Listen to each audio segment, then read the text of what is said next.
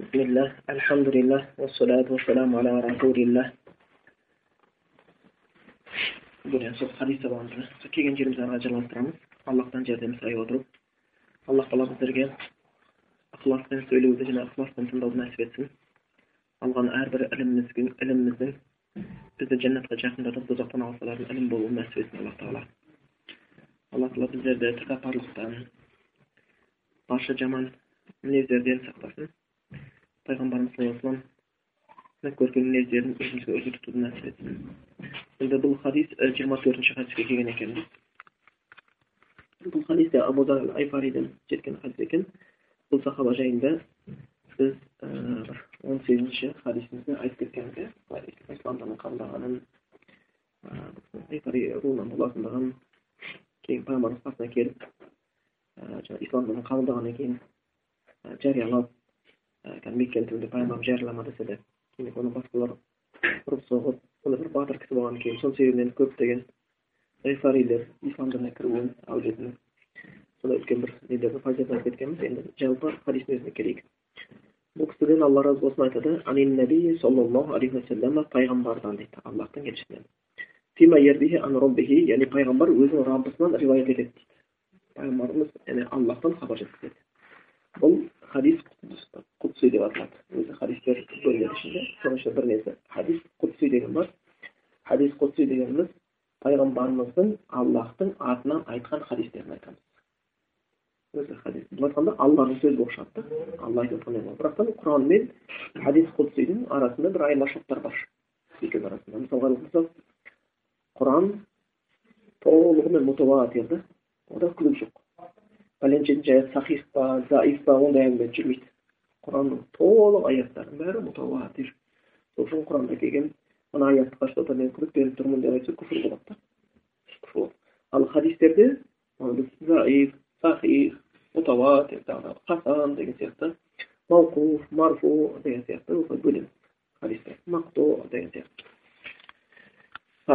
бұл жаңағы құранның бұл енді хадис құдсиде солай бөлінеді деп бөлінеді бірақ аллахтан айтылып жатыр жету жолына байланысты және де мысалы құран мен хадис құдсидің айырмашылығы құранды біз оқу үшін енді негізі дұрысырақ сөзге қарағанда көптеген ғалымдар дәретті шарт етеді хадистер бар енді аяттар бар кейбір ғалымдар жоқ дәрет шарт емес деген сияқты бірақтан негізі дұрысырағы дәретпен оқу оған байланысты хадис келген үшін өйткені бәрі ол бөлек кітап адам баласы құран ұстаған кезде бір себеп болып қалмаса бір салқын болып басқа болып қайта дәрет алу қиындық туындап жатқан болмаса онда аллахтың кітабын аллахтың кітабын ұстағандай сезіну үшін үйреткені жақсы балаларымыз кітап оқып десе дәретпен ұста десек онда сәл уже түсінеді да жай кітап ұстаған сияқты болмайды.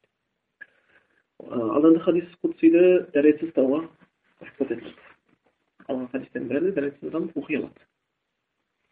Одан кейін мысалы құран аяттарын жүніп адам оқи алмайды ғұсыл алмайынша аузына құран аятын оқуға болмайды да фатиха сүресін ықылас сүресін жүніп адам оқуға болмайды ал хадисті айта беруге болады да мысалға сізге телефонға біреу соғып қалды да мен пәленше сүренің пәленшенші аятын есіме түсіремін айтар едім айтып жіберіңіз десе сіз жүніп қалдай болсаңыз мен кейін айтайын жуынып шайынып алғаннан кейін деп айтасыз ал сіз хадис сұраса айта берсеңіз болады фатуа сұраса айта берсеңіз болады аятты оқу үшін керек хадис құдсида дәрет жаңағы жүніптіктен ұсул уәжіп етілген сияқты құранға бұл хадис құдсида ондай нәрсе жаңағы уәжіп етілмейді екен. Одан кейін құран және айырмашылығы құранды оқыған кезде әрбір әрбіне он сауап. Хадистер ондай емес. Жалпы хадисте алла үйреткен сауаптар болады бірақ әрбір әрбіне он сауап деген сияқты ондай үсілдер жүрмейді екен. Осы сияқты айырмашылығы бірақтан жалпы біз бір нәрсені білуіміз керек құран болсын сүннет болсын хадистер болсын барлығы жаңағы сахих жолда жеткен хадистердің де құран аятының барлығы аллахтан келген нәрсе. Пайғамбар өз ойынан айтқан жоқ. Өзігінен ештеңе айтқан жоқ.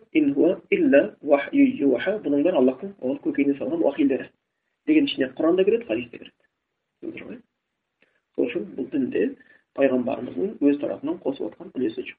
Дүниенің ісі болатын болса пайғамбар айтуы мүмкін дүние істерін деген сияқты келуі мүмкін дүние істеріне келгенде пайғамбар тақырлап шақырып алып дұшпандар келе жатыр қалай соғысамыз дегенде салман фарси жер қазамыз окоп қазамыз деген сияқты ондай нәрсе емес келсе дін істерінде ғибадат бағында бұл жерде пайғамбар мұхаммад саллаллаху өзі аллахтан бұйырған нәрсені жеткізеді сол үшін басқанда құран аллахтың уахи десек пайғамбарымыздың сөзі ісінің бәрі сол практикада. Ең бірінші құранды практикат еткен адам пайғамбар мұхаммед мұстафа саллаллаху алейхи айтып отыр бұл хадис ондай бір хадис раббысынан жаңағы айтып отыр екен пайғамбарымыз саллаллаху алейhi қала аллах дейді енді біз хадисті бір мәтінін оқып аударып аударып шығайық өйткені бұл хадис бір сондай хадис бұны шарықтамасаң да уже адамға қатты әсер ететін хадис та жалпы шам халқының бір жақсы көретін хадисі деп аталып кеткен хадис. Бұл хадис сондай хадис болған кейбір ғалымдар бұл хадисті айтқан кезде тізерлеп отырып қалушы еді дейді да тізерлеп отырып алып кәдімгідей құдайдың алдында өзін бір мінәжат қылып отырғандай қылып айтушы еді дейді. Енді біздің қазіргі кезімізде алла біздерді кешірсін. Ә, бізді де басқаны да баршамызды біздер енді өзіміз негізі аузымыздан айтып отырған аяттың хадистің қадірін онша көп түсіне қоймаймыз да. Айта саламыз дауласа береміз бір оны амал қылып жатырмыз алмай қылмай жатырмыз ба сахабалар табиғиндар бір нәрсеге амал қылмай жатып оны айтуға ұялған деген сияқты болмаса абу ханифадан құл азат етудің абзалдығы туралы бір айтыңызшы деп бір құл келіп өтініш жасайды ғой кішкене бостандық кейін өзінің егесі жұмадан қалмайды абу ханифаны өте жақсы көреді абу ханифа жарайды деп уәдесін береді да бірақ біраз кешіктіріп айтады да бір уағызында құл абзалы туралы кейін ана егесі қуанып бір сауап алайын деп жаңағы құлын азат қылып жібереді кейін сол құл абу келіп айтады сіз дейді осыны кеш айттыңыз ғой рахмет дейді бірақ кеш айттыңыз неге десе өйткені дейді мен ол хадистің бәрін білетін едім бірақ амал істеген емес едім дейді барып құл сатып алдым оны қайтадан азат еттім сосын барып елге айттым дейді негізі ол кездегілер солай болған енді бізде қазір көбінесе не сияқтымыз ғой компьютер сияқтымыз да істейміз айта саламыз істейміз айта саламыз өзімізде амал онша болмағаннан кейін бұл нәрселер фитнаны көбейтеді анау жақсы мынау жаман анау оқыған анау білімді білімсіз деген сияқты өйткені ілім тек информация үшін болып жатыр да ықылас үшін амал үшін болып жатқан жоқ сол үшін бұл хадисте кезінде олар айтқан кезде тізерлеп отырып қалып шам қаласының адамдары өте қатты жақсы көрген хадистің бірі еді деп келеді екен енді біз соны оқып кішкене былай аударып одан кейін шамамыз келгенше аллахтан жәрдем отырып түсіндіруге тырысамыз яғни аллахтың атынан айтылып жатыр да аллах айтады екен сонда я ибади ей менің құлдарым зұлымдықты яғни әділетсіздікті мен өзіме харам еттім және сендердің араларыңда да араларыңда да әділетсіздікті харам еттім бір бірлеріңе әділетсіздік жасаушы болмаңдар. Бұл жерде сондай араб тілінің несі жаңағы бабында келеді деген сияқты. Яғни бір бірлеріңе аллах айтып жатқан жоқ. Біреуге зұлым жасама деп. Бір біріне зұлым жасамасын. Екі жақтан да. Құдайдан қорықсын деген нәрсе да. Екі жақтан да құдайдан қорықсын деген нәрсе болып келеді екен. Бір бірлеріңе жаңағы зұлым жасамаңдар. Я ибади ей менің құлдарым сендердің барлығың адасқансыңдар. Мен тура жолға салғандарыңнан басқасы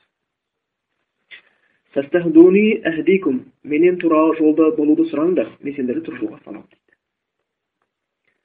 Я ибади ей менің құлдарым күллікум бәрің ашсыңдар мен тойдырғандан тамақ бергендерімнен басқаларын дейді. Менен тамақ сұраңдар тамақ рызық сұраңдар сендерге мен сол рызықты тағамды беремін дейді я ибади ей менің құлдарым сендер бәрің жалаңашсыңдар кімді киіндірген болмаса дейді менен киіндіруді сұраңдар киіндіремін я ибади ей менің құлдарым сендер түнде де күндіз де қателіктер жіберіп жатырсыңдар. Мен сендердің сол күнәларыңның бәрін кешірушімін. Кешірім өзімдер кешіремін. Я ибади ей менің құлдарым сендер менің бір зияныма жетіп маған зиян бере алмайсыңдар. Менің бір пайдама жетіп маған пайда келтіре алмайсыңдар. وآخركم وإنسكم وجنكم كانوا على أتقى قلب رجل واحد منكم ما زاد ذلك في ملك شيئا дейді кейін алла айтады ей құлдарым менің егер сендердің ілгергілерің және кейінгілерің адамдарың болсын адам санатынан болсын жын санатынан болсын барлығын дейді бір сондай құдайдан қатты қорыққан бір кісінің жүрегіндей бір жүректе болған болсаңдар енді өте тақуа болып кетсеңдер ешқандай күнәһар жоқ адамның бәрі тақуа және өте тақуа да жынның бәрі тақуа дейді да оның бәрі дейді менің мүлкімді ештеңені арттырмайды дейді яғни сендер бір құлшылық ғибадаттарыңменен маған бір пайда келтіріп жатырмын деп ойлап қалмаңдар дейді да يا عبادي لو أن أولكم وآخركم وإنسكم وجنكم كانوا على أفجر قلب رجل منكم ما نقص ذلك ما نقص ذلك من ملك شيئا ей менің құлдарым дейді егер сендердің ілгергілерің кейінгілерің адам санатынан болсын жын санаты болсын бәрін сондай бір өте бір сондай бір адамның жүрегінде болсаңдар өте күнәһар. Бір адамдай күнәһар болып кетсеңдер бәрің ол менің мүлкімнен ештеңені кем яғни сендер күнәларың күнәһар болып өткендерің біреудің кәпір мүшрік болып кеткені мұнафиқ болғаны аллахқа ешқандай зиян келтірмейтін ештеңе қалмайды менің құлдарым егер сендердің ілгергілерің мен кейінгілерің адам санатынан болғандарың мен жын санатынан болғандарың бәрің дейді бір тұрып алып дейді да бір жазық далаға деп айтсақ жердің бетін айтады да. Сағада сөзінен шыққан. Яғни жердің бір қырдың басына бәрін тегіс қырдың басына жиналсаң дейді да бүкіл адамзат баласы сөйтіп дуа қылсаңдар дейді менен сұрасаңдар дейді егер сендер бәрін сол сұрасаңдар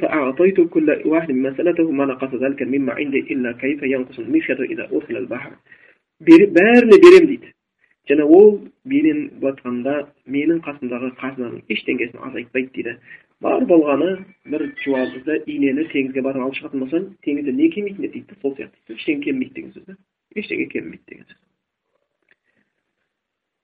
ей менің құлдарым мынау сендер істеватқан амалдарың оның бәрін мен есептеп қоямынкейін соған қарай сыйын мен жазасын беремін кімде кім жақсылығын тапқан болатын болса аллахқа мақтап айтсын кім одан бөлегін тапқан болса яғни жақсылық таппай қалған болатын болса өзінен басқа ешкімді кінәламасын бұл хадисті мүслим риуаят еткен екен енді оған алла қаласа кішігірім тоқталып өтейік бірінші хадисті қарасаңыздар қай сөз жиі айтылады аллах тарапынан ей менің құлдарым деп келеді да айбат деп тұрған жоқ ибади яғни менің құлдарым аллахтың сондай бір кеңшілігі мейірімі шындап келген кезде аллахтың мейірімі шексіз да аллахтың есігі құлдарына еш уақытта жабылған емес қазір жер бетінде бір күнәһардың адамы алла кешірші мені деп аллахқа бет бұрамын десе аллах қабылдайды ол адам бір ширкте әр уақытта сүйініп жүрген адам болсын е алла кешір мен қателестім бір өзіңе сыйынамын десе аллах қабылдайды ол адам сондай ішіп жеп бала шағасын аздырып толтырып жүрген адам болса алла мен тәубе қылдым деп араңды тастап сәжде қылатын болса құдай қабылдайды ол адам көшенің бойында пәленбай жыл өзінің тәнін сатқан зинақор әйел болатын болса алла мені кешірші деп аллахқа бет бұрса аллах қабылдайды да аллах тағаланың есігі еш уақытта жабылмайды аллах тағала пенделеріне мұқтаж емес бірақ пенделерінен қашқан емес бірақ адам баласы сондай аллахқа мұқтаж бірақ аллахтан қашады да аллахтан қашады шайтанға еріп кетеді үшін аллах тағала жерде ей менің құлдарым деп жатыр да өзі аллахқа деген құлдық екі түрлі болады бірінші жалпы жер бетінің аспан жерде періште болсын тау болсын тас болсын күн болсын былай айтқанда адамдар болсын жын болсын бәрі құдайға құлмыз да кәпір болсын мұсылман болсын құранымыз сол ішіндегі ерекше құлшылықпен дейді ерекше құлдықтың жасап жүргендер болады ол иман келтіріп намаз ораза сияқты істеп жүргендер бұл ерекше құлшылықты орындаушылар дейді әйтпесе қалғандар бәрі құлдықтан шығып кетпейді да кәпір де құл мужик те құл күн де құл бәрі құл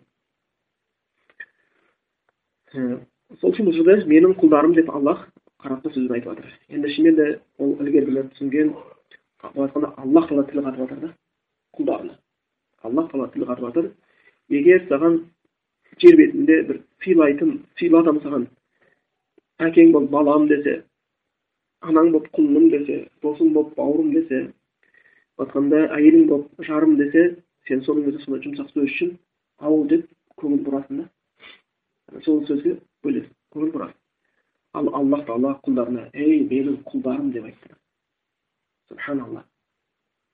Көңіл бұрып жауап берген адамдар қандай ақылды адамдар? Көңіл бұрып жауап берген адамдар білмеймін қандай әдепсіз адамдар? Қандай әдепсіз адамдар? Сол үшін біз әрдайым айтатын сияқты кімде кім айтса әке шешесін сыйламаған баланы кім десе бәрі тәрбиесіз бала тәрбиесіз бала дейді да. Әке шешесін сыйламаған баланың тәрбиесіз екендігіне бүкіл адам бір ауыздан келіскен да мұсылманы кәпір. Ал енді әке шешесін сыйламаған адамды тәрбиесіз деп атайтын болатын болсақ аллах тағаланы сыйламаған адамды тәрбиелі деп айтуға мүмкін емес тәрбиесіздіктің ең жоғарғы шегі осы ең жаман. Аллахқа намазды кешіктіріп жүрген. Тәубені кешіктіріп жүрген. Аллах тағала пайғамбар жіберді сол үшін. Қанша қиыншылық көрді пайғамбар. Сол үшін құран түсірді қанша хадистер бар.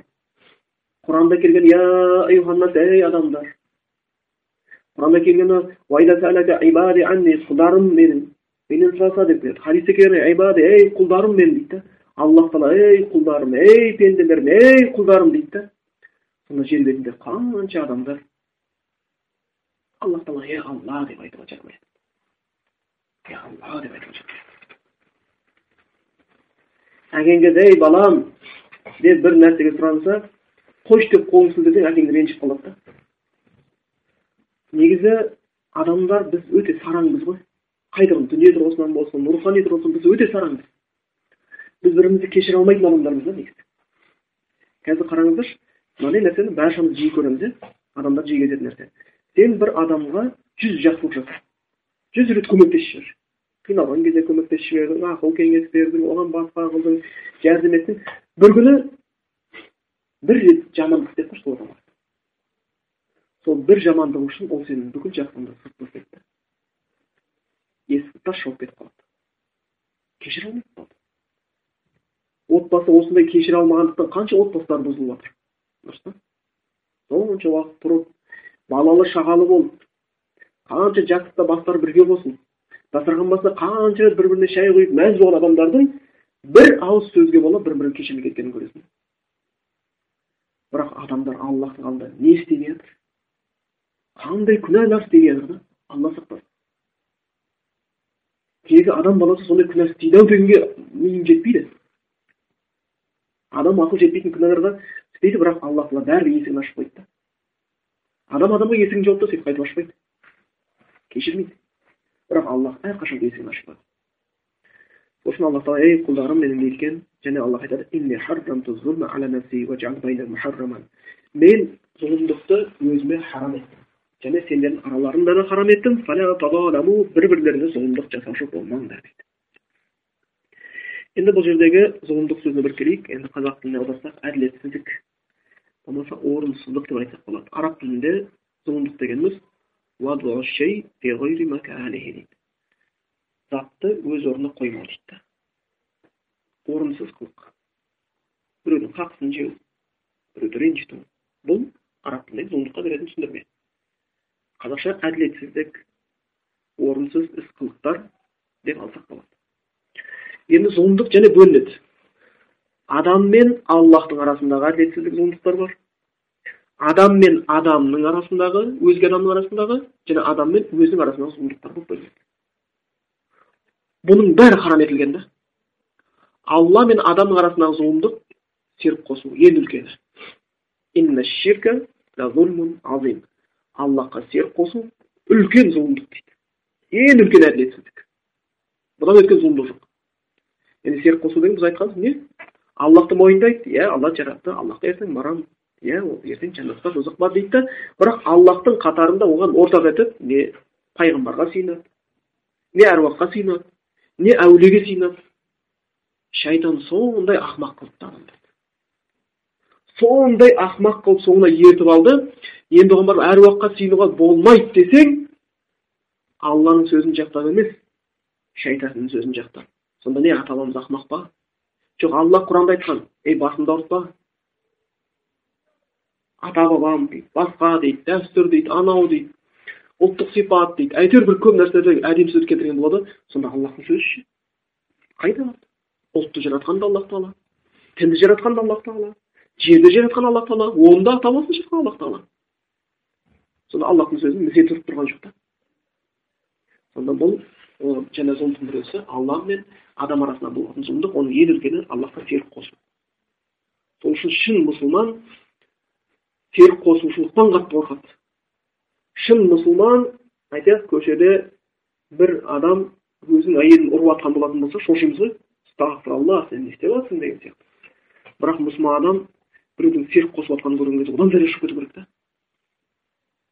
мұсылман адам талшының қасынан күлімдеп өте алмайды аузубилля аузубилля астағфиралла деп өтетін адам да мұсылман адам біреулердің жиналып барып әруаққа сыйынуға автобусқа ақ жіп байлап кетіп жатқанын көрген кезде ол бейшара қарай алмайды зәресі ұшады ол нәрселерден өйткені бұл үлкен зұлымдық сол үшін ол мұсылман адам өзінің туысқандарынан басқалар біреу әруаққа бірдеңе палшыға барайын деп жатса әруаққа сыйынайын деп жатқан болса шырылдап кетеді өйткені біз басқа әділетсіздіктер көрген кезде тоқтатамыз ғой дұрыс па біреу жатса тоқтатамыз біреу ұрлық істеп тоқтатамыз ал енді зұлымдықтың ең үлкені ширкті көріп қалай тоқтаймыз сол үшін бұл үлкен зұлымдық бар екен зұлымдықтардың түрлері соның бірісі алла мен адам арасындағы ең үлкені аллахқа серік қосу бір ары қарай кете береді намаз оқымау ол да зұлымдық алла өзінің хақын орындаған жоқ одан кейін адам мен адам арасында зұлымдықтар болады мысалға бала мен ата ана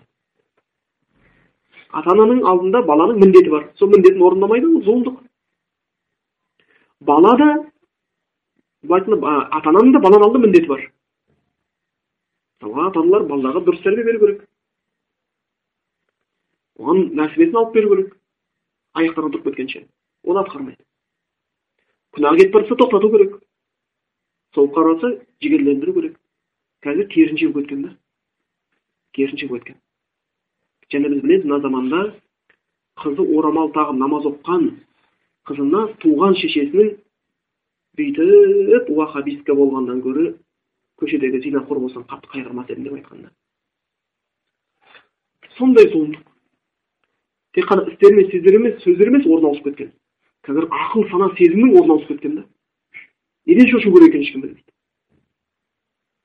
Қазір күніге қарасаң күніге телевизордан жүздеген мыңдаған қылмыс айтылады.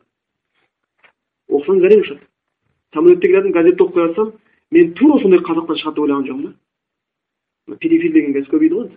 Енді естімедім жас бала студент әпкесінің баласын зорлап тастапты ана жақта біреуді зорлап өлтіріп қойыпты қыздар бүйтіп қойып төрт жасар қызды зорлап қойыпты өйтті бүйтіп қойыпты деген сияқты. Уже құлағы үйреніп бара жатыр да. Одан қала берді міне өзіміздің қаламызда қарағандыдай үйленді ғой мынау еркек пен еркек қыз бен қыздар кімдер үйленгендер қыз бен қыз үйленді ақылға сыймайтын нәрсе бала күнімде мен түсінбейтінмін қыз бен қыз үйленгенді не не бітіреді деп қазір оны оны естімейміз қазір көріп жатырмыз заман болды да оны ұялмай қанша деген газеттер той жасағанын несінің бәрін мемлекет тіркемей қойды сонда да бұлар өз қызығушылығын тоқтатқан жоқ деп суретпен мәз болып жатқан нәрсені бүкіл реклама қылып жатыр да имансыздық имансыздардың бәрі көреді а не нәрсе екен деген сияқты қазақта мақал қазаннан қақпақ кетсе иттен ұят кетеді дейді да міне күнә мынау деп ашып беріп қойғаннан кейін жатқанда иман алып жүрген бәрі соған қорқып кетеді ертең екіге үйленді ертең жүзге үйленемін деп шығады ол уже болған америкада қанша штатта солар көбейген соншалықты кәдімгі заңмен таласып біздің құқымыз қайда құқымыз қайда деп парламентке шығып айғай шығып митинг жасап бес штатта заңдастырылған да қанша мемлекеттерде заңдастырылған. Мына жай бір нәрсе сияқты жоқ. Ертеңгі күні бірақта қарасақ екіге үйленіп те тұрған кезде ертең мың адам площадьта бізге құқығымызды алып беріңіздер құқығымызды алып беріңіздер деп тұрмасына кім келді алла алла сонда қазір осындай бір заман болды. Әділетсіздің ең көбейгені. Аллах бәріне тиған еді. Сол үшін ата ана баланың алдында әділетсіз қылықтар жасап жатыр балалар ата аналарының алдында әділетсіз қылықтар жасап жатыр да. Ақылға сыймайтын нәрселер тура ерлі зайыптылар бір бірінің алдында әділетсіздік жасап жатыр харам етілген жасау әйел кісіге күйеуін хақты ренжіту харам етілген еркек адамға әйелдің алдында хақсын орындамау харам етілген бұның бәрі тыйым етілген нәрселер бірақ ешкім оны ойлап жатқанында жоқ болып табылады қарап тұратын болсаң жиі келетін сұрақтар қазір қатты үлгере алмайсың қанша айтқан сияқтысың тағы да айту керек сияқты айтқан сияқтысың бәрі ерлі зайыпты алла біледі менің бір күнім өткен жоқ шығар талақ жайында сұрамай өтілген телефонда менің ақылым жетпейді ол намазхандарда сұрап жатқан ал намазхан еместердің жағдайы не болып жатқан мен уже миым жетпейді сұрап келсең болмайтын нәрсе сұрап келсең бәрі әркім өз хақын орындағысы келмейді тек міндетін орындағысы келмейді тек хақтарын талайды жүрген адамдар әйел шығады ол бүйтпеді бүйтпеді деп еркек шығады ол бүйтпеді сөйтпеді деп келеді бірақтан бір ортақ болайық семья құратын нәрсе емес сондықтан бұл зұлымдық негізінде қатты харам етілген және алла тағала өзіне харам етті және құлдарының арасында харам етті бір бірлеріне зұлымдық қылмаңдар сонда зұлымдық айттық алла мен адам арасында болады екен ол серік қосу намаз оқымау деген сияқты бұл зұлымдық. Харам істі істеу деген сияқты. Парыздарды тастап қою бұл аллах пен адам арасындағы зұлымдық. Адам мен адам арасындағы зұлымдық. Яғни бір біріне міндет хақтарын орындамау өйткені исламда екі үлкен хақты талап етеді да. Алланың хақысы және адамның хақысы. Екі үлкен нәрсенің үстіне орналасқан ислам. Егер біреу тек қана алла алла алла деп адамнан кешке дейін зікір қылып құран оқып тәсбих тартып былай айтқанда намазын оқып бірақ әкеден шешеден бала шағадан бәрінен безіп кеткен болатын болса жәннатқа субханалла пайғамбар мұхаммед мұстафа саллаллаху алейхи вассаламның кезінде бір әйел кісі қайтыс болады сахаби әйел. Сахабалар келеді де қабірін қазады жерге қояды. Пайғамбар қарап тұр қарап тұрып айтады. Сонда дейді мына әйел тозаққа түсетін болды дейді сахабалар зәре ұшып кетеді иман келтірген әйел намаз оқиды сахабалардың зәре ұшып кетеді да пайғамбарға бәрі сұраулы көздермен қарап аң таң болып егер мына әйел тозаққа түссе біз не болды деген сұрақ туады да оларға сосын пайғамбар айтады аллахтың елшісі бұл әйел кісі түнде намаз оқығыш күндіз ораза тұтқыш дейді да парыздан бөлек нәпіл оразасы көп түнде тәхажүді көп әйел дейді бәрі таңқалып сұрайды пайғамбардан енді біз әйел басында істеп жүрміз біз еркек басында оны кейбіреу істейді кейбіреу істемейді сонда пайғамбарымыз қайта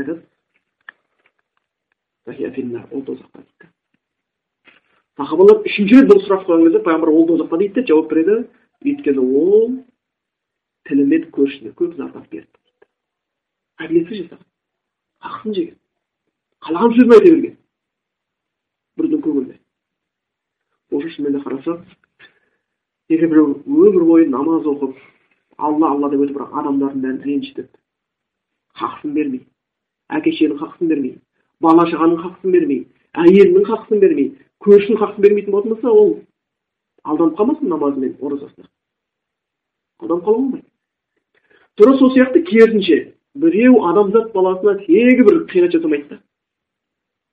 Көршісін көрсе күліп алынса әйелінің бетіне бір рет қарап ұрысып көрген емес. Баласын көрсе құшақтап маңдайын сипап өтетін адам. Бір адам баласы боқтаса кешіріңіз деп кешірім сұрайды өзі он кінәлі болса да. Сондай бірақ намаз оқымаса аллахтың қадір сену керектігін білмесе дінмен шаруасы болмаса ақыретті ойламаса жәннат жәннатқа бара алмайды. Өйткені ислам екі нәрсе бар. Алланың хақысы және адамның хақы. Екеуі орындалған кезде құстың қос қанаты пайда болған сияқты ұшады алла деп адамдарға зиянын беретін болса адамдар үшін деп аллахты ұмытатын болатын болса онда адам баласы ұзаққа бара алмайды екен. Сол үшін бұл жерде адам баласына барынша әділетсіздіктен алыс болу керек. Өзара зұлымдық қылмаңдар дейді. Бұған дейін біз бір айтып кеткен едік. Соны еске түсіру үшін және салып өтейік.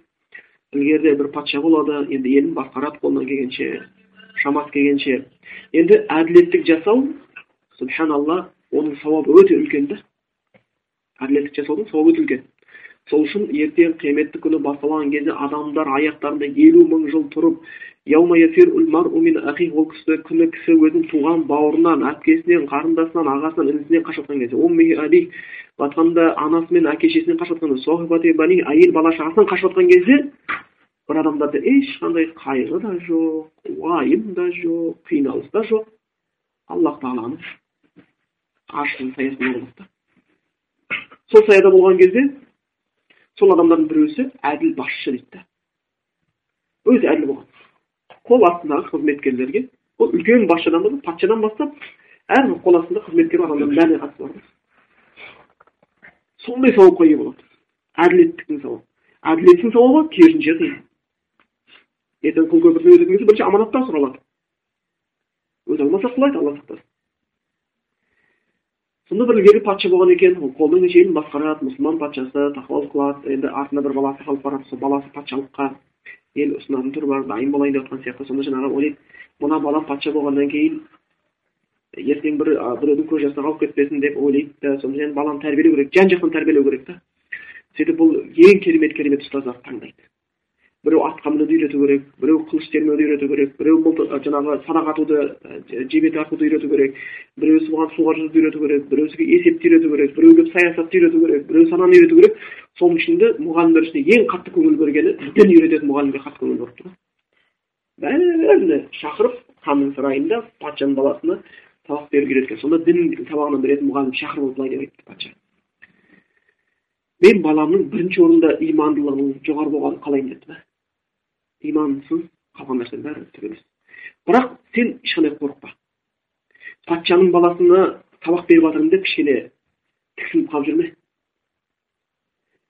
өз балаңа сабақ бергендей берші егер менің балам сенің берген тапсырмасын біреусін орындамаса жазала дейді да әкесіндей жазала дейді да ойбай ертең әкесі естіп қалып мынаны осы ма деп қорқып жүрме өйткені сен бұған дұрыс тәрбие бермесең сен бұғаның жаның ашыса ашып жаңағы ашық қылатын болса мен балама онда сенің халыққа жаның ашымағандығың болады дейді да. Сөйтіп жаңағы әбден түсінеді ұстаз түсіндім түсіндім дейді. Сосын не кейін балаға сабақ береді. Бірақ баласы өте әдепті. Сабақтан қалмайды. Өте алғыр. Бірнеше басқа әйтеуір балалармен қосылып оқып жатыр уәзірдің балалары бар басқа туысқанның балалары бар. Бірінші орындап келеді. Бірінші сабаққа келеді. Шығып бара ұстазынан рұқсат сұрайды. Ана баладан ешқандай кемшілік көре алмайды да. Ұстаздың өзі таңқалады дін сабағынан береді қандай керемет бала. Ә, бұл кісілер патшалар текті адамдар екен ғой. Деп бала риза болады. Сөйтіп жүрген кезде енді баладан ешқандай кемшілік таба алмағаннан кейін бір күні ұстазы қолдан оған әділетсіздікпен бір кемшілік табады да. Не істейді? Келеді да патшаның баласына сабақ дайындадың ба дейді. Иә дайындадым дейді. Алып кел көрсет дейді. Алып келеді да қарап бәрі түп түзу қате жоқ қарайды да сызып сызып сызып. Түк дайындамапсың мынаның бәрі қате дейді. Сөйтіп дәптердің бетіне лақтырып жібереді келесі оқышы дейді. Анау түсінбей қалады ұстаз қай қате дейді. Қате дейді. Көрсетіңізші дейді. Сен маған бірдеңе айтайын деп тұрсың ба дейді да? Ұстаз біле ма сен білесің ба дейді? Давай бас ауыртпа жөндеп оқы сабақ дейді. Жоқ ұстаз сіздікі мынау әділетсіздік сен маған әділеттікті үйретейін деп отырсың ба? Дейді да жаңағы балаға тағы да бетіне дәптерін қойған қайтадан бетін лақтырып жібереді. Сосын бала мұныңыз қалай сіздің дейді? Сонда сен сабақтың үстінде маған айқайлаған үшін бұрышта тұрып тұрасың сабақ біткенше деп бұрышқа тұрғызып қояды. Жоқ мен әке әкеңе маған айтқан ұрасың ба соғасың өзің білесің да қазір сенің әкең тірі кезде өліп қалмай тұрған кезде. Білгенді істеп алу керек дейді да әйтпесе сен маған көнетін бала емессің дейді да әкең өзі айтқан жоқ сіз бұл ол әкенің ол сөзін сіз әділетсіздікке байлауға тиіс емессіз жоқ болды әкең маған айтты ол маған бұндай шанс бере бермейді давай тұр деп бұрышқа тұрғызып қойып анау бала таң қалады. Балалардың бәрі ыңғайсызданып отыр олар сабақ да сөйтіп жүреді. Ертесінде қайтадан сабаққа келу керек. Патшаның баласы көңілі түскен не істерін білмей сабаққа келсе келіп сабағын сұрайды. Сөйтті бұл жолы қайтадан ұстаз о керемет негізі сен өте қабілетті екенсің анау түсінбей қалады да. Бірақ уже көңілі қалып кеткен да сөйтіп жүрген кезде патша өмірден өтеді баласы таққа отырады да. Таққа отырған кезде анау әбден бір есінен шықпай қалып кеткен ғой ше отырған күнім ал енді сіз патша болдыңыз енді неден бастаймыз дегенде ұстаздан бастаймыз дейді алып келділер ана ойлап берді сол. Өмір бойы әкем жүре береді деп. Бұл бала күнде түспайды деп ойлады ма алып келіңдер дейді да сөйтіп ана бала қатты ашуланып патшаға жендет жұмсаған екен. Алар енді патшаның ашуымен кеткеннен кейін ол бала да. Ғалымды сүйреп қолына кісен салып дігектеп алып келеді. Не болды қай жаққа патшаға дейді. Патша тағында отыр елдің бәрі қарап отыр. Уәзір кешегі бірге оқыған уәзір балалардың жаңағы уәзірлердің баласы уже олар уәзір болып отыр. Алып келеді қолында кісен бейшараны сүйреген ентігіп тұр. Жаңағы желкесінен жаңағы әскерлер ұстап желкелеп тұр. Келеді да қойып бала отырып айтады. А келдің ба? Ақырма дейді да. Енді иә патшаны ей мүләйімсімей ақ қой дейді да. Патша матша да кеше маған айқайлап жүрдің есіңнен шығып кетті ма? Жоқ енді ол деп жоқ сен білесің ба? дейді да. Мен сені не үшін алып келгенімді дейді да. Біліп тұрмын дейді да примерно. Ал енді біліп тұрсаң дейді да. Енді мен саған не істеймін? дейді да. Сен білесің сол кезде сабақ дайындап келдім ғой дейді да. Мен саған ренжіткен жоқпын. Сіздеп отырдым сыйлап отырдым бірінші болып кетесің соңғы кетесің сен менің дәптерімді бетіме лақтырып бүкіл оқушылардың көзінше бұрышқа тұрғызған есіңе түсіре ма? Білесің ба дейді да. Білемін патша білемін патша дейді да. Бірақ сонымен әдейілеп істеген дейді қалай әдейілеп істедім дейді да. Сен білуің үшін зұлымдықтың қандай жаман екенін дейді да. Қарашы дейді да. Сен ер жетіп патша болғанша соны ұмытқан жоқсың ғой бір зұлымдық дейді да мен саған бір ақ істедім ғой дейді иә дейді да сол сияқты дейді. Патшалықта сенен біреу зұлымдық көретін болса өмірі ұмытпайды дейді да өзінің кезегін күтеді де жүреді кезегін күтеді де жүреді дейді сонда бала ойланып қалып орнынан түсіп кісендеулі тұрған ұстаздың қолынан кісенді өзі шешіп маңдайынан сүйіп құшақтап айтады. Сіздің маған берген сабақтың ішіндегі ең ұлысы осы екен дейді түсіндім екен. Сол үшін аллах тағала жаңағы бұл хадисте айтып отырған сияқты. Құлдарына бір бұйырып жатқан және нәрсенің бірісі ұлы бір нәрсе ол айтып харам еттім. Ертең шынымен де бізге әйел бала шағамыз қиын күтіп алып жүрмесін. Сен біздің хақымызды бермедің деп. Ертең біздің ата әке шешеміз күтіп алып жүрмесін. Ертең біздің көршілеріміз күтіп алып жүрмесін. Ертең біздің достарымыз күтіп алып жүрмесін өйткені қияметтің күні сондай күн. Бүкіл нәрсе қайталанады мүйізі жоқ қойға мүйізі бар қой сүзген үшін. Хақты қайтарып береді да егер мал мен мал хақты қайтарған болатын болса адам жағдайы не болады? Бұның бәрі ұмытып қалатын дүние емес. Адамның хақына келгенде өте қатты қорқу керек. Адам хақына келгенде өте қатты қорқу керек. Сол үшін әрқашанда бұл зұлымдықты әділетсіздіктің антонимі не ол әділеттілік. Үшін әр жерде алла құранда әділеттілікке бұйырады сөйлесеңдер де әділ болыңдар дейді да туысқаның болса да қазақта жақсы мақал бар ғой тура биде не жоқ дейді туған жоқ дейді егер туғанына қарай болатын болса ол тура би деп есептелмейді да қазақтан өзі солай болған қарасақ осы хадиске сәйкестік келіп отыр да тура биде туған жоқ дейді болмайды күйінде сол үшін бұл қазіргі кезде қандай да бір адам әділетсіздіктен көз жасанға тамған болатын болса қандай да бір әйел әділетсіздіктен жылап жүрген болатын болса оның бәрі сол күйінде қалып кетеді емес. Сол күйінде қалып кетеді емес. Одан кейін және бір нәрсе есте шығаруымыз керек. Пайғамбар мұхаммед мұстафа саллаллаху алейхи да хадисте болсын көп нәрсе үйреткен жаңағы зұлымдықтан сақтандырған сөйлеген өзінде әділетті болу керек. Мысалы айтатын болсақ біреудің артынан өсек айту ғайбат айту өтірік айту бұл үлкен әділетсіздік та үлкен әділетсіздік және мысалы айтайық біреу зинақорлық істеп қойды ол да күнә иә ол да орынсыз қылық енді сол зинақор істеп қойған адам құдайдан қорқып кешірім сұрап тәубе қылып ендігі әрі қайталамаймын енді қайталамын жылап еңіреп аллахқа тәубе қылса тәждке тұрып тәубе қыла ма нәпіл намаздарын оқып тәубе қыла ма садақа беріп тәубе қыла ма деп жалынса құдай кешіреді да? Бірақ біреудің артынан өсек айтсаң біреудің артынан өтірік айтсаң біреудің артынан ғайбат айтсаң тәжүдке тұрасың ба? Нәпіл намаз оқисың ба? Садақа бересің ба? Аллах кешірмейді сол адам кешірмейінше. Сол үшін сөз әділеттігі бұл ең жоғары тұру керек та ең жоғары тұратын нәрсе. Сөзге өте аманатқа мықты болу керек қарай қосып жіберуге де болмайды екен. Сақтану керек болады екен. Одан кейін сондықтан пайғамбарымыз саллаллаху вассалам өте қатты тиятын бәріміз білетін сияқты муаз ибн жабалды йеменге жүрген кезде үйретеді пайғамбарымыз. Бірінші ең бірінші жасайтын дағуатың бір аллахқа сыйынуға шақыр. Яғни аллах қана лайықты екендігін түсіндіретін куәлікке шақыр дейді. Егер олар бұған бойсұнған болса намаз үйрет. Бұған бойсұнған болмаса зекет кәдімгі тәртіп та рет бұл рет деген үлкен ілім негізі біздің заманымызда бұны өте қатты білу керек та. Түсіндіңіздер ғой бұл өте керек.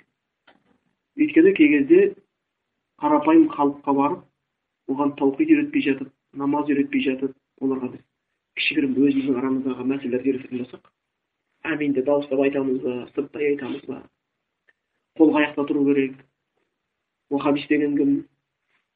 Сақал бала төрт әйел алу онда бұл дұрыс дағуат емес та дұрыс дағуат емес сол үшін адам білу керек айтады сонда ең соңында хадистің соңында айтады зекет мал алған кезде тіпті мал алған кезде зекетке берілетін мал мысалға адам өзі шешеді ғой алланы зекетке жинаушы адам еш уақытта біреудің қорасына келіп міне қырық қойым бар бір қойымды алып кет десе ең жақсысын таңдап алуға болмайды да орташасын алу керек түсіндіңіз ғой орташасы ең төменде берілмейді ең жоғарысы емес орташасы алынады зекетке және пайғамбарымыз оған қатты өсиет қылған нәрсесі зұлымдықтан сақ бол дейді әділетсіздіктен не деп айтады әділетсіздікке ұшырап қалған жәбір көрген зұлымдық көргеннің дұғасынан сақ бол дейді өйткені ол адам мен аллахтың арасында перде жоқ дейді бұл хадисті кейбір ғалымдар айтады тіпті фаузанның өзінің кітабында келеді осы хадисті шарықтаған кезде. Түсіндірмесінде егер сен дейді кәпірге зұлымдық істесең сол кәпір саған қарсы дұға қылатын болса онда құдай қабылдайды дейді негізі кәпірдің дұғасы қабыл емес. Әшейіндеші кәпір болған соң мүшриктің дұғасы қабыл емес. Бірақ мұсылман кәпірге бір зұлымдық жасайтын болатын болса қарсы қылса қабыл кетеді сол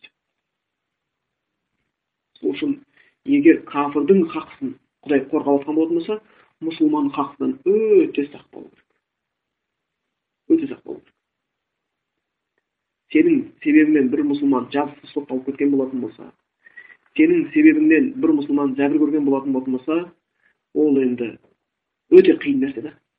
Ана қарғыс жібермейді осы мен осы күйге түсірген адам желкесі қиылып қалсын десе қиылып қалады. Баласы қырылып қалсын десе қырылып қалады. Үй өртенсе өртенеді үшін бірінші орында құдайдан қорқу керек та бірінші құдайдан қорқу керек адам қақсына келген кезде осы пайғамбарымыз мұхаммед мұстафа сахабаларына қатты үйреткені бұл әділетсіздіктен өте алыс болуға енді ары қарай я ибади аллах қайтадан айтады ей менің құлдарым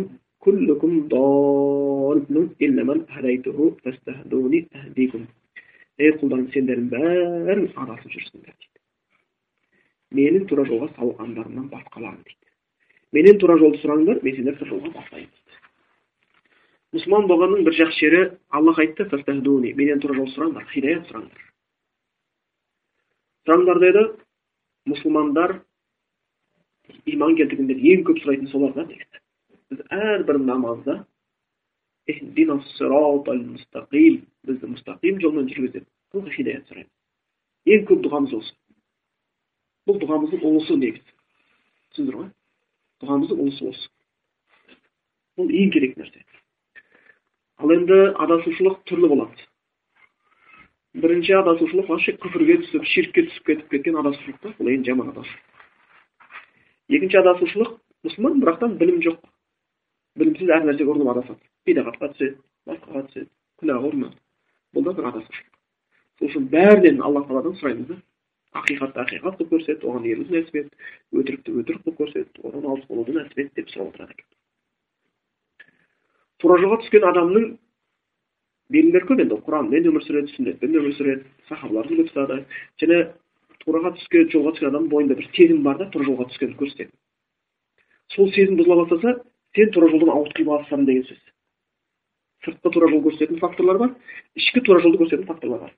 Сыртқы тура жатқан нәрсе сен құран сүннетке негіздеп өмір сүріп жатқан құран сүннетке негіздеп ғибрат жасап жатқан ал ішкі фактор сен тура жолда жүргендігің болмаса тура жолдан ауытқып бара жатқаның ішкі фактор адамның ішкі дүниесі ғибадаттан шаршап иманнан шаршап құран тыңдағысы келмей хадистен қашып одан гөрі өлең жақсы болып кезде намазды әйтеуір бір ептеп септеп жорға сүйретіліп оқи бастаса күнәға бір бір иығын беріп тұрса ей бір енді кешірер құдай бір сәт түсіп тұрған кезде жасап жіберейік деп ар жағында күнәні сүйе бастаса ол хидаяттан кете бастады мұсылман адам күнә жасап қоюы мүмкін. Иә күнәдан толық құтылып адам жоқ. Бірақ мұсылман адам күнәні жақсы көруі мүмкін емес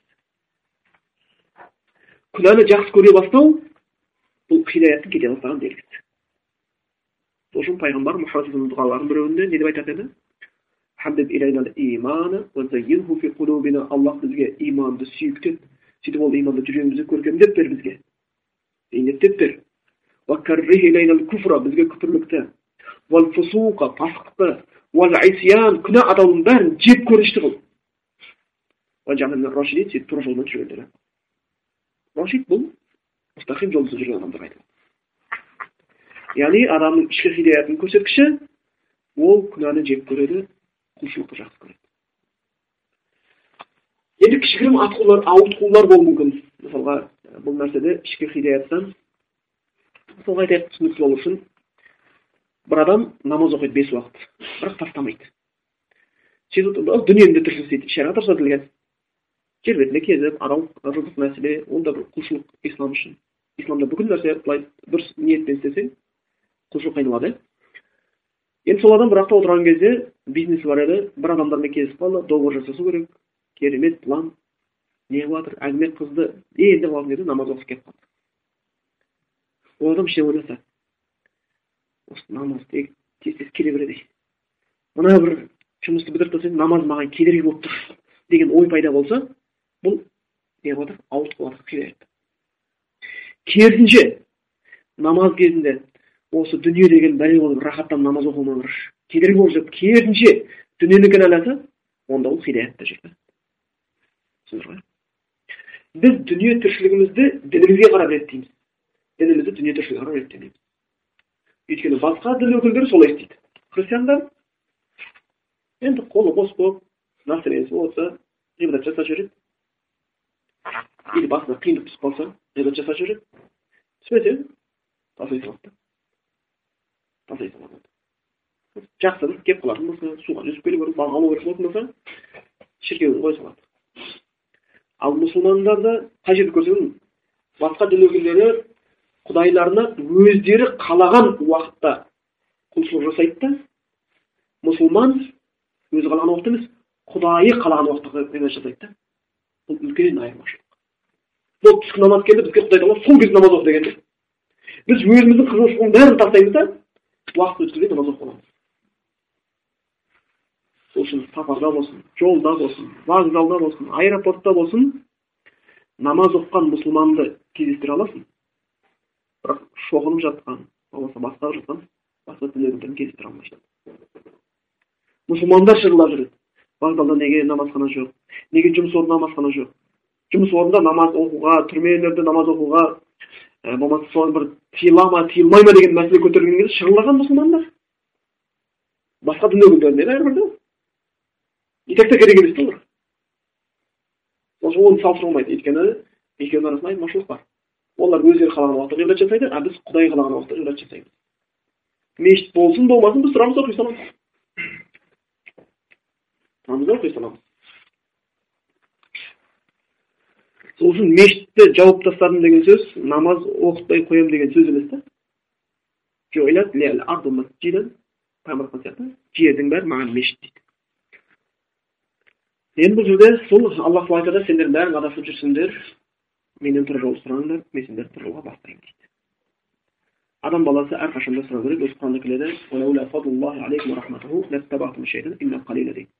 Аллахтың дейді сендерге деген кеңшілігі мен мейірім болмаса дейді сендер бәрің шайтанға ілесіп кетейін деп тұрсыңдар дейді аллахтың кеңшілігінің арқасында мейірімнің арқасында біз осы хидаят жолында жүрміз сол үшін аллахқа әрқашанда шүкірлік етуіміз керек осы хидаят берген үшін бізде құдайдың берген нығметі көп құдайдың берген нығметін есептесең санына жете алмайсың соның ішінде нығметтің ең ұлысы ол иман бізге осыған тауфиқ берген әйтпесе қарап тұратын болсақ алла өзі былай айтқанда қарап ә, кешірсін. Қанша адамдар болған пайғамбарлар болды туған қасындағы әйелі не иманға келмеді да сондай пайғамбарлар бар туған баласы иманға келмеді сондай пайғамбарлар бар туған әкесі иманға келмеді да біз пайғамбардың баласымыз ба? Жоқ пайғамбардың дәуірінде өмір сүрдік па? Мынандай бір фитна заман заманында күдік пен күнәнің сондай белең алып тұрған заманында бір уақытта аллах тағала біздің жүрегімізге иман береді біздің маңдайымыз сәждеге тиіп жүрді. Үлкен мына заманда намаз оқыған адамға таң қаласың. Мына заманда иман келтірген адамға таң қаласың. Мына заманда құранға құлшылық адамға таң қаласың. Әйтпесе мына заман шындап келгенде мұсылманға мына заманда өмір сүрген адамдардың бәрі мұсылманға келіп жүр заманда. Жұмысқа бір қыз қазір мини юбкамен келетін болатын болса жұмысқа тұру тұрмау мәселесі оған қиын емес та. Бірақ қыз бала орамалмен кеңейіп келетін болса ол қиын. Кінәлісі не диплом білім ба? Жоқ киім болып тұр да. Киінгені үшін кінәлі. Сол сияқты мұсылман кісі барып сақалмен баратын болса жұмысқа тұру қиын. Сақал кінәлі ма? Жоқ жоқ білімсіздікпен еш айтылған жоқ қой сақал өссе адам ақыл азаяды деген көйлек кеңейсе адамның ақылы азаяды деген жер жоқ білімі төмендейді деген енді бұл нәрсе соның ар жағында осы бір нәрсе тұрады екен қарасақ анау айнада бір шевченко орыстың айтатын сөзі бар еді ғой келіп мынау деген не болып кетті мынау мұсылмандар деген ұзын көйлегін киіп алып өйтіп бүйтіп жүреді бұл біздің елді сыйламайды біз арабтарға барған кезде арағымызды ішпейміз ғой бүйтпейміз ғой бүйтпейміз ғой ұзын көйлек киіп алып бүйтіп бүйтіп деп орамалдарын тағып алып беттерін жауып алып деп сөйтеді осы деп киіне берсін не проблема дейді в чем проблема дейді дене өзінікі киінеді енді проблема болатын нәрсе емес та негізі проблема болатын нәрсе емес қазір неше түрлі нәрсені көресің ғой адам ақылына сыймайтын нәрсе істеп жүрмін құлағына сырға тағып алған еркектерді көріп жүрміз ғой ол үшін шынымен де аллахтан әрқашанда хидаят сұрауымыз керек аллахқа сансыз мақтаулар болсын осындай бір бүлік қалып тұрған заманда бізді нұрға салған үшін және аллахтан сұрайтын дұғамыз деген сияқты. Тура салғаннан кейін аллах ол тура жолдан біздің жүрегімізді айныта көрмесін біздерге де әке шешемізге де бала шағамызға да әйелдерімізге де алла үшін сүйген достарымызға баршасына алла хидаятты нәсіп етсін енді уақытымыз осы не қалған екен осы жерден бір тоқтап қояйық алла келесі жалғастырамыз сабақтарымызды سبحانك اللهم وبحمدك أشهد أن لا إله إلا أنت أستغفرك